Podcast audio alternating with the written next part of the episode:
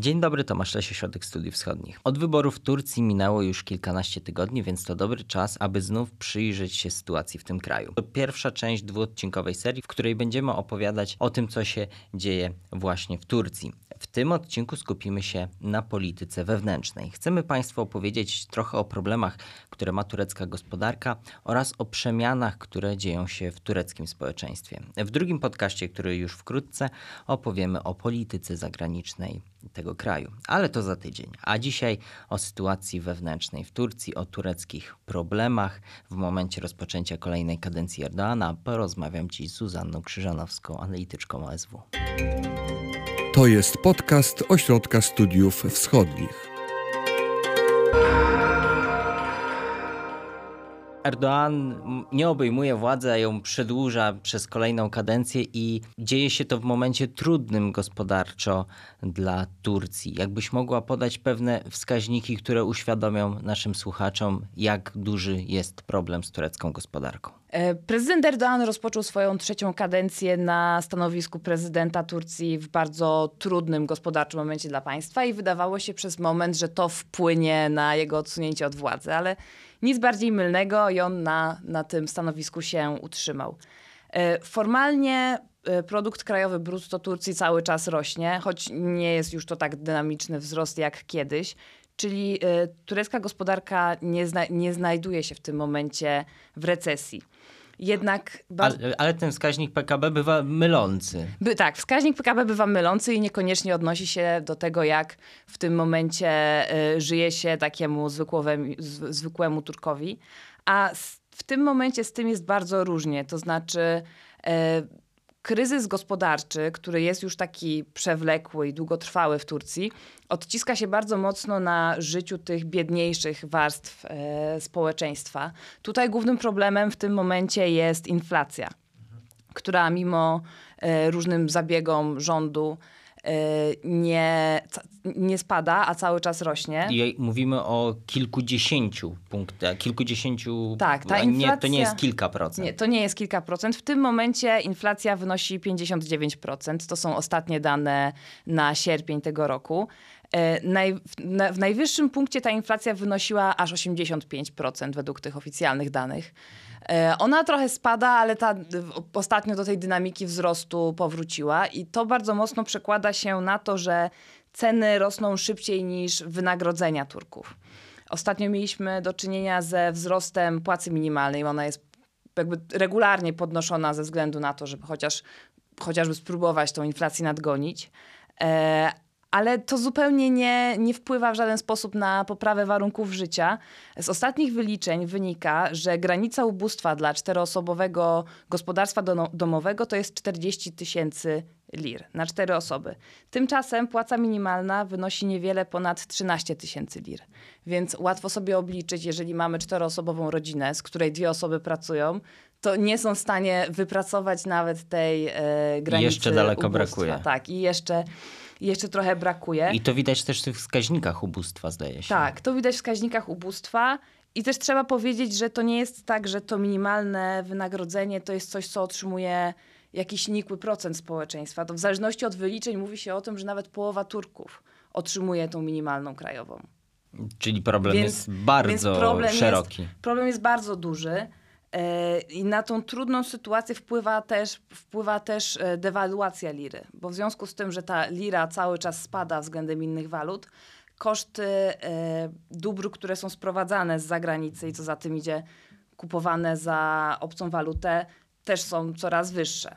Mhm. Więc to jest kolejny problem. Czy dobrze identyfikuje, że te biedniejsze warstwy społeczne to jest trochę elektorat Erdoana i jak oni to nie mają problemu z obecną sytuacją? Jak to wpływa na poparcie? Na pewno no, ostatnie wybory pokazują, że jednak nie przełożyło się to tak mocno, na, tak mocno na, na poparcie dla prezydenta Erdoana. Wydaje mi się, że tureckie społeczeństwo jest w jakiś sposób przyzwyczajone do tego przewlekłego kryzysu gospodarczego, w którym się utrzymuje. Ma swoje, swoje strategie, strategie radzenia sobie z tym problemem. W Turcji na przykład jest bardzo du duża taka sieć e, wzajemnej pomocy, powiedzmy, rodzinnej ale nie zmienia, nie zmienia to faktu, że ta sytuacja nie jest łatwa. Oczywiście inaczej to trochę wygląda w dużych miastach, gdzie są jakieś lepsze możliwości finansowe, e, inaczej to, to wygląda na, na prowincji. Rzeczywiście wpływa to na tą biedniejszą warstwę społeczeństwa, ale ostatnie wybory pokazują, na, pokazują że, że jednak... Że nie aż tak. Że jednak chyba nie aż tak, skoro, skoro prezydent Erdoğan utrzymuje się cały czas u władzy. A co z młodymi? Bo takim naturalnym odruchem mogłoby być w wielu krajach, y, to obserwowaliśmy, jest kryzys gospodarczy, więc jest próba poszukania szczęścia gdzieś poza granicami ojczyzny. Czy to w przypadku Turków się dzieje, bo ten kryzys, tak jak mówisz, y, nie wiem czy słowo przewlekły jest adekwatne, ale już na pewno trwa. Trwa, trwa już, trwa już od powiedzmy e, pięciu lat w takiej, w takiej mocnej fazie. Badania wskazują na to, że aż dwóch na trzech Turków w wieku od 18 do 25 lat chciałoby opuścić kraj. E, to bezrobocie wśród młodych, zwłaszcza w tej grupie wiekowej, też jest bardzo wysokie, wyższe niż, e, niż w innych grupach. I ta migracja z Turcji rzeczywiście wzrasta i to widać w ostatnich statystykach. Natomiast nie jest aż tak łatwo opuścić Turcję. To znaczy, kiedy młody Turek myśli o tym, żeby poszukać jakiejś, e, jakiegoś lepszego miejsca do życia, to najczęściej myśli do, o Unii Europejskiej. Tymczasem Unia Europejska cały czas ma e, wizy dla Turków. W związku, z, w związku z tym nie jest tak łatwo tam po prostu wyjechać to też przekłada się, tych wniosków wizowych na, do Unii Europejskiej jest coraz więcej i coraz więcej z tych wniosków jest odrzucanych. Wzrasta też liczba Turków, którzy ubiegają się o azyl polityczny i to nawet w takich zupełnie nieoczekiwanych sytuacjach. Kilka miesięcy temu była taka głośna historia o chłopaku, który to był w ogóle licealista, miał chyba 17 lat, który podczas wycieczki szkolnej do Włoch e, uciekł i uciekł z jakiegoś muzeum bodajże i wyjechał do Niemiec ubiegać się tam o azyl polityczny. A miał do tego jakiekolwiek podstawy? Był zaangażowany, czy to był po prostu to losowy był, to chłopak? To był po prostu chyba sposób na to, żeby, żeby do tej upragnionej Unii Europejskiej się dostać i, i próbować Udało tutaj liczyć o, na, na, lepsze życie. Niestety nie znalazłam, jaka jest kontynuacja tej historii. O tym media już potem nie pisały, ale rzeczywiście takie historie o na przykład studentach Erasmusa, którzy przylatują z Turcji do Europy i po zakończeniu wizy ubiegają się o azyl polityczny. Takie historie się zdarzają i wydaje mi się, że, że wraz z tą sytuacją ekonomiczną, która jest i też sytuacją polityczną, która tych młodych Turków coraz bardziej dotyka, e, będzie się to powtarzało. A czy ci młodzi ludzie, bo mówisz, że dużo, wiele, wiele z tych osób chce wyjechać, część nie chce, ale jako, że nawet ta część, która chce wyjechać, a tak jak mówisz, nie do końca może, czy to jest jakieś źródło ewentualnego protestu, problemów dla władzy Erdoana? Wydaje się, że na ten moment to jeszcze nie jest groźne dla, dla władzy Erdoana. Mówi się o tym, że ci młodzi ludzie w Turcji są tak naprawdę najbardziej niezaangażowaną politycznie grupą. Jeżeli spojrzymy chociażby na frekwencję wyborczą, to frekwencja wyborcza była najniższa w tej najmłodszej grupie, w tej najmłodszej grupie wiekowej, a też najmłodsi wyborcy najczęściej skłaniali się do, do kandydatów alternatywnych, czyli poza Kemalem Kılıçdaroğlu i prezydentem Erdoğanem było jeszcze dwóch kandydatów, e, Muharrem i Oğan. I bardzo wielu młodych wolało gdzieś zagłosować na tych dwóch pozostałych kandydatów, żeby powiedzmy wyłamać się trochę z tej, z tej tureckiej polaryzacji. Na ten moment nie widzę żadnego takiego punktu zapalnego, żeby mogło dojść do jakichś masowych protestów studentów czy, czy coś takiego. E, no ale też wiemy, że rzeczywistość społeczna jest czasami trochę nieprzenikniona i że wystarczy iskra. Jedna iskra. I, i, i coś zaczyna się dziać. Są, mam na to dowody z całego świata. Niemniej jednak to, że zbuntują się studenci z Ankary czy ze Stambułu, to jeszcze nie, nie, nie będzie stanowiło e, żadnego zagrożenia dla, dla władzy partii AKP, bo żeby doszło do takiego masowego buntu młodych, to musieliby się przeciwko nim zbuntować też Szersze e, masy. Tak, szer szersze masy, a, a nie tylko jacyś mhm. wykształceni młodzi ludzie z dużych ośrodków. Mhm. Erdoğan i AKP słynie, słynęło w ostatnich miesiącach, y, a nawet w ostatnich latach z powiedzmy nieortodoksyjnego podejścia do, do gospodarki, do walki z inflacją. Gdy świat podnosił stopy procentowe w Turcji się to nie działo. Czy Erdoğan porzuca swoje dotychczasowe podejście? Wszystko wskazuje na to, że, że tak, że w partii AKP została podjęta decyzja do tego, żeby powrócić do tej, tak jak powiedziałeś, nieortodoks... Do tej, do tej ortodoksyjnej. Przepraszam bardzo, żeby powrócić do ortodoksyjnej polityki monetarnej. Prezydentowi Erdoğanowi ma pomóc, mają pomóc w tym doświadczeni ekonomiści tacy jak Mehmet Şimşek, czyli nowy minister finansów oraz e, szefowa Banku Centralnego Gaye Erkan. To są bardzo doświadczeni ekonomiści, którzy mają pomóc mu tą Turcję wyprowadzić z tego kryzysu gospodarczego. Rzeczywiście e, prezydent Erdoğan chyba został przez nich przekonany do tego, żeby podwyższyć jednak stopy procentowe. Od czasu zaprzysiężenia, zaprzysiężenia nowego e, gabinetu te stopy podwyższano już trzy razy. Aktualnie e, ta podstawowa... To dosyć dużo, dosyć bo wybory dos- były niedawno. Tak, tak, dosyć dużo i dynamicznie. Aktualnie ta stopa procentowa wynosi 25%. E, równolegle podwyższany, podwyższony został też podatek VAT i akcyza na paliwo i gaz. Więc to jest coś, takie, coś takiego, co też tych Turków, powiedzmy, po kieszeni, po kieszeni uderza. Więc nie są to, chcę powiedzieć, że nie są to reformy, które są proste i mogą się okazać e, kosztowne społecznie, ale chyba już jest e, ogólny konsensus co do tego, żeby wrócić na, na, na, na tory tej bardziej e, tradycyjnej ekonomii. Zjawiskiem, które często obserwujemy, obserwując historię też, nie tylko to, co się dzieje teraz, ale w momentach takich y, trudnych ekonomicznie dla krajów, zdarza się to, że rośnie zainteresowanie radykalnymi ideami. Czy w przypadku Turcji nastroje nacjonalistyczne to jest coś, co obserwujemy, coś, co rośnie cały czas? Tak naprawdę te nastroje nacjonalistyczne to jest taki stały element tureckiej polityki. Ja bym może nawet mogła powiedzieć, że do nacjonalizmu tureckiego w Turcji przyznają się wszyscy oprócz Kurdów. Bo y, jeżeli na to spojrzymy, to zarówno konserwatywna partia e, Sprawiedliwości i Rozwoju, i, i rozwoju prezydenta Erdoana e, ma w sobie ten jednak bardzo silny składnik e, nacjonalistyczny. Jej najbliższym ko- koalicjantem jest Partia Ruchu Nacjonalistycznego, która jest już partią nacjonalistyczną per se. E, Mamy ruchy nacjonalistyczne na tureckiej opozycji. Mamy na przykład Dobrą Partię. e, która- Taka nazwa. Taka, tak, tak, tak, taka, taka nazwa, e, która, która też się bardzo silnie do tego tureckiego nacjonalizmu odnosi. I mamy też nacjonalistów alternatywnych, czyli ci, którzy kwestionują po- powiedzmy oba, oba obozy. Czyli tą podstawową opozycję powiedzmy i, i e, obóz prezydenta Erdoana. I wydaje mi się, że w Turcji zawsze był na to, na nacjonalizm był jakiś popyt. To znaczy nacjonalizm jest przede wszystkim jedną z podstawowych wartości założycielskich Republiki Turcji i Turcji jako państwa. Jeżeli spojrzymy na to, jak wygląda codzienne życie w Turcji, to tych elementów, może, na, może nacjonalistyczny to jest złe słowo, ale elementów patriotycznych w sferze publicznej znajdujemy bardzo dużo.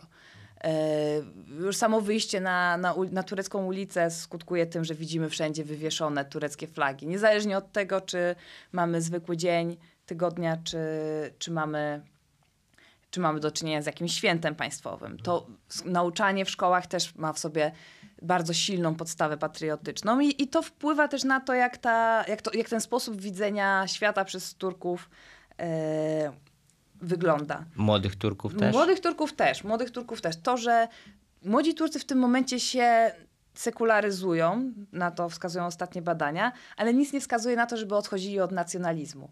Wydaje się, że ten nacjonalizm jest u nich nawet silniejszy i jest jakąś reakcją na, na ten kryzys, e, który obecnie e, w Turcji panuje. Ale to twoim zdaniem może wzmocnić ugrupowania radykalniejsze od AKP w tym, w tym zakresie? Myślę, że są w Turcji y, ugrupowania, które są radykalniejsze od AKP, nie jeżeli chodzi o ten komponent konserwatywny czy islamski, ale mamy do czynienia z takimi silnymi ugrupowa ugrupowaniami, które są antysystemowe i nacjonalistyczne. Y, Takim, taką osobą był na przykład Sinan Oğan, o którym już wspomniałam. On był y, trzecim kandydatem w wyborach prezydenckich. E, I ci jego wyborcy stali się jakimś takim e, języczkiem uwagi w, tych, w drugiej turze wyborów prezydenckich, bo zarówno prezydent Erdoğan, jak i e, Kemal Kılıçdaroğlu, czyli kandydat Republikańskiej Partii Ludowej, głównej partii opozycyjnej, bardzo mocno się do, do tego nacjonalizmu odwoływali. Czyli jest przestrzeń na, na jest wzrost. Przestrzeń. y, Jest, jest, jest jeszcze przestrzeń na wzrost nacjonalizmu, zwłaszcza, że taką bardzo silnie wybrzmiewającą kwestią w Turcji jest teraz obecność Syryjczyków, którzy przybyli tam po, y, po wybuchu wojny wo- wojny domowej w Syrii.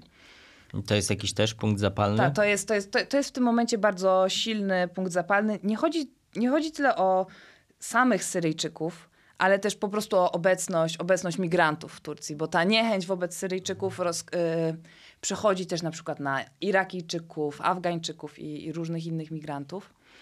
E, Oni są na przykład bardzo mocno oskarżani o to, że zabierają miejsca pracy, że ich obecność powoduje wzrost przestępczości, e, że w jakiś sposób nie pasują do tego pewnego stylu życia tureckiego i, i jakby obnoszą się bardzo mocno ze, ze swoją obecnością.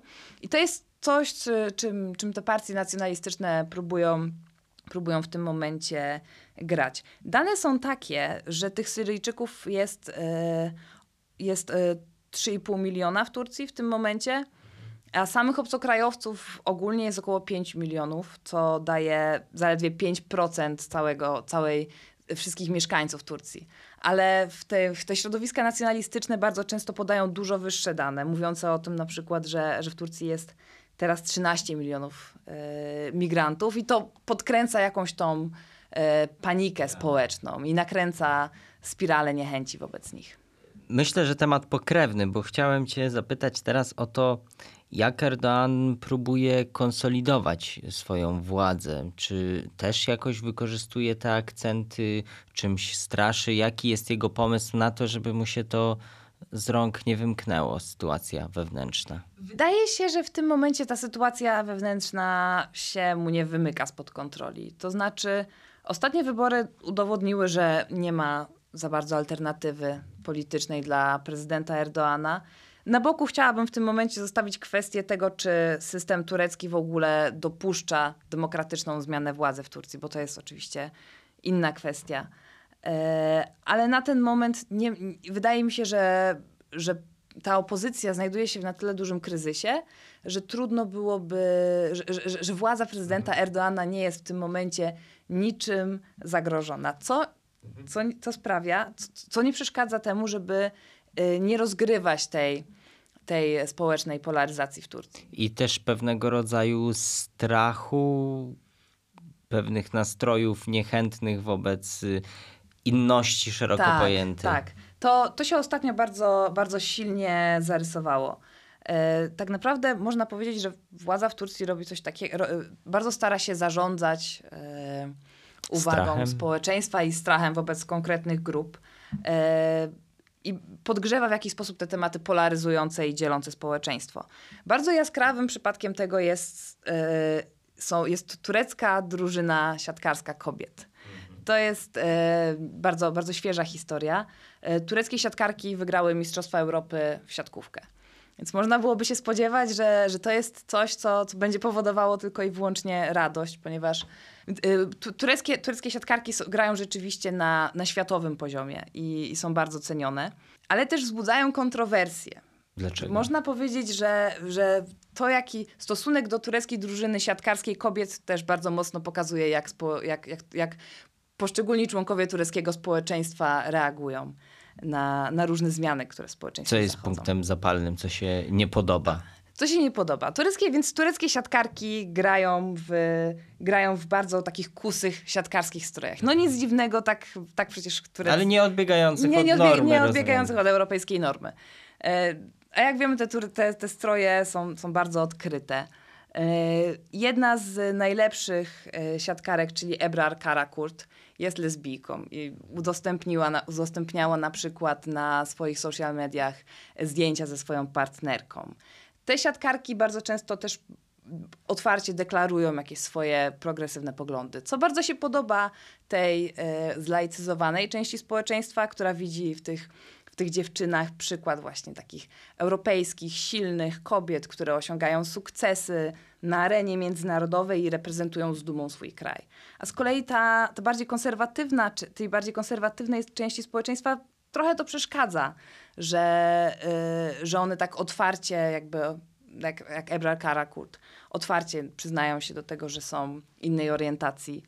E, I to, to, to, to bardzo, bardzo w ostatnim, czasie, w ostatnim czasie wybrzmiało. Więc wydawać by się mogło, że to jest tylko i wyłącznie pozytywna rzecz, a nawet coś takiego gdzieś wzbudza kontrowersje. Czyli rozumiem, prezydent Erdogan pewnie nie gratulował. Nie, pogratulował. Pogratulował prezydent, prezydent Erdogan pogratulował siatkarkom. Sam prezydent Erdogan przecież był kiedyś sportowcem, nie wiem czy Jest wszyscy- znany Tak. z umiłowania do sportu. Tak, jest znany z umiłowania do sportu, e, grał w piłkę nożną, jakieś ostatnio wyszły też, e, ostatnio też grał w koszykówkę publicznie, żeby pokazać w jakiej jest dobrej formie fizycznej. Więc nie, ze strony prezydenta Erdoana poszły gratulacje, ale nie, na- ale by, były takie głosy na przykład e, ze strony przedstawicieli jego partii, że, że może jednak e, warto byłoby z tej Ebrar Karakurt zrezygnować. Że mimo tego, że jest dobrą siatkarką, to nie odpowiada naszym wartościom i może powinni, powinni bylibyśmy się, się, się, że może powinni bylibyśmy ją z tej drużyny wykluczyć. I to jest pewien przykład, który obrazuje też. y, Chciałam pociągnąć na tym przykładzie wątek mniejszości seksualnych, bo to też jest coś, wokół czego y, chyba cały czas buzują też emocje, które też są rozgrywane Tak, przez władzę. tak. To jest przedstawiane bardzo mocno w tym momencie. y, Te mniejszości seksualne są przedstawiane jako coś, co zagraża tureckiej rodzinie. W Turcji na przykład do 2015 roku były organizowane parady równości. Po prostu. Ale od jakiegoś czasu są one zakazywane, a a ci de, y, aktywiści, którzy tam się i tak, tak czy inaczej zbierają, są regularnie rozpędzani przez policję. Y, I wydaje mi się, że to jest jeden z tych tematów, który będzie jeszcze bardziej podgrzewany przez władzę. Czy można powiedzieć, że Erdoğan trzyma tureckie społeczeństwo w garści i ta sytuacja jest pod jego całkowitą kontrolą? Nie wiem, czy można trzymać społeczeństwo pod całkowitą kontrolą zawsze. To jeszcze tak- nie, to nie jest system totalitarny. To, to trzeba powiedzieć, prawda? Są różne takie zabiegi socjotechniczne, e, które, którymi próbuje się tym społeczeństwem zarządzać, ale to nie jest tak, że nie wiem, czy To nie jest totalitaryzm. nie, nie jest no. totalitaryzm, nie wiem, czy trzymanie w garści to jest odpowiednie słowo, bo jednak e, on ma dalej bardzo szeroką bazę poparcia. Mimo tego, że, że można mieć wątpliwości co do zasad prowadzenia kampanii wyborczej w Turcji, e, jakichś represji, które, k- na które napotyka opozycja, to jednak sam proces liczenia głosów wydaje się, że był uczciwy. E, I tak, tak to zostało, tak, tak, tak, tak został nazwany przez e, organizacje, które się, się, się zajmowały obserwowaniem Sama opozycja zaakceptowała Tak, wynik sama, wyborów. sama opozycja zaakceptowała ten wynik. Więc nie wiem, czy trzymać w garści to jest po prostu dobre, dobre określenie. Na pewno w tym momencie e, prezydent Erdoğan ma sytuację bezpieczną. To znaczy, wydaje mi się, że w tym momencie nie ma czegoś, co zagrażałoby jego władzy. On wciąż chyba czuje tureckie społeczeństwo, tak? Tak, tak. To, jest, to, jest, to jest jedna z tych rzeczy, która jest jego największym atutem. To znaczy, pomimo upływu lat, on po, cały czas jest bardzo charyzmatycznym, cha- bardzo charyzmatycznym politykiem i cały czas ma bardzo dobre wyczucie tureckiego społeczeństwa. Wie, jak mówić, e, tak, żeby ludzie chcieli go słuchać. To też jest potencjalnie problem, mm, e, powiedzmy, późniejszej sukcesji po Erdoanie, bo trudno jest w tym momencie w jego obozie znaleźć kogoś, kto byłby w stanie go zastąpić i byłby w stanie jakąś charyzmą mu dorównać. No ale o, o tym się w tym momencie w Turcji już trochę myśli, czy... już się tak, już, się- już się trochę myśli, bo sam prezydent zapowiedział, że to będzie jego ostatnia kadencja. Nie, nie wiem, na ile możemy ufać tym zapowiedziom. E, Ale tak, to jest, to jest coś, o czym się już trochę mówi. Wiadomo, że to jak na razie są spekulacje. Ja sama w tym momencie nie widzę ani jednego polityka, który byłby gotów, y, jakby, który byłby gotów go zastąpić i w jakiś sposób dorosnąć do tej roli. Wydaje się, że, że taka charyzma polityczna jak Recep Tayyip Erdoğan to się pojawia e, raz na jakiś czas. To nie jest powszechne. A co z opozycją? Już trochę o tym mówiłaś, ale, ale pogłębmy ten temat. Czy e, ona się po e, tym zjednoczeniu rozleciała z powrotem? Po, po wyborach w Turcji opozycja znajduje się w bardzo dużym kryzysie. Oczekiwania były ogromne. To znaczy, e, jeżeli spojrzeć na to, jak, jak, jak opozycja zachowywała się przed pierwszą turą wyborów prezydenckich, to oni naprawdę mówili już w taki sposób, jakby te wybory wygrali. Sam, nie wiem, czy w to wierzyli, ale na pewno zbudowało to bardzo silne oczekiwania w tej opozycyjnej e, części społeczeństwa. E, I ten, te, te, te przegrane wybory e, w obliczu tych ogromnych, ogrom, ogromnych nadziei sprawiły, że ta opozycja znalazła się, tak jak powiedziałam, w bardzo głębokim kryzysie. Sojusz Narodowy, czyli ta szeroka koalicja opozycyjna złożona z aż sześciu partii, w tym momencie się rozpadł. Jeszcze nie do końca wiadomo, w jaką stronę będzie to, będzie to zmierzać. Najwięcej, najwięcej kontrowersji na tureckiej opozycji teraz chyba budzi przewodniczący Partii Ludowo-Republikańskiej e, Kemal Kılıçdaroğlu, który był e, też kandydatem opozycji na prezydenta. Mimo tego, że przegrał te wybory i że to były kolejne wybory, które e, opozycja przegrała za jego, kiedy on jest na funkcji przewodniczącego, to on nie, nie poczuwa się do tego, żeby na przykład zrezygnować ze swojego stanowiska. Więc mimo tego, że ta turecka opozycja, a zwłaszcza Republikańska Partia Ludowa, chcą się przedstawiać jako demokraci, to jeżeli spojrzeć na to, jak ta partia zarządzana jest od środka, to nie jest do końca e, demokratyczna. E, Kemal Kılıçdaroğlu nie, nie, rezygnuje, nie zrezygnował ze swojego stanowiska pomimo przegranej i pomimo bardzo, silnych, bardzo silnej opozycji wewnątrz partii wobec niego i, i nawoływań.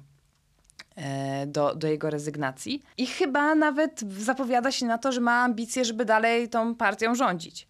To jest jednym z elementów e, kryzysu, kryzysu opozycji. W Turcji już wkrótce wybory lokalne. Wybory lokalne, które poprzednie wzbudzały dosyć spore emocje. Czy, czy teraz jest tak samo, czy jak tutaj się układa, y, co jest najważniejszym punktem, jeśli chodzi o te wybory. Utrzymanie przez opozycję dużych ośrodków miejskich, tam zdaje się Stambuł był, e, był zwycięstwem opozycji. To jest teraz priorytetem? Erdoğan spróbuje odbić? Y, Erdoğan na pewno będzie próbował odbić duże miasta. To jest tak, że ostatnie wybory lokalne odbyły się w 2019 roku i, zako i zakończyły się ogromnym sukcesem tureckiej opozycji, a zwłaszcza e, partii CHP. Wtedy udało jej się odbić z rąk e, AKP zarówno Stambuł, i Ankarę. To był jeden, jeden z największych sukcesów, zwłaszcza, że jeżeli przyjrzymy się tej partii, to ostatnie 20 lat to jest jedno, jedno pasmo porażek. I tak naprawdę jedyne miejsca, w których ona może mieć jakiś dostęp do władzy, to jest ta, ta władza na poziomie lokalnym.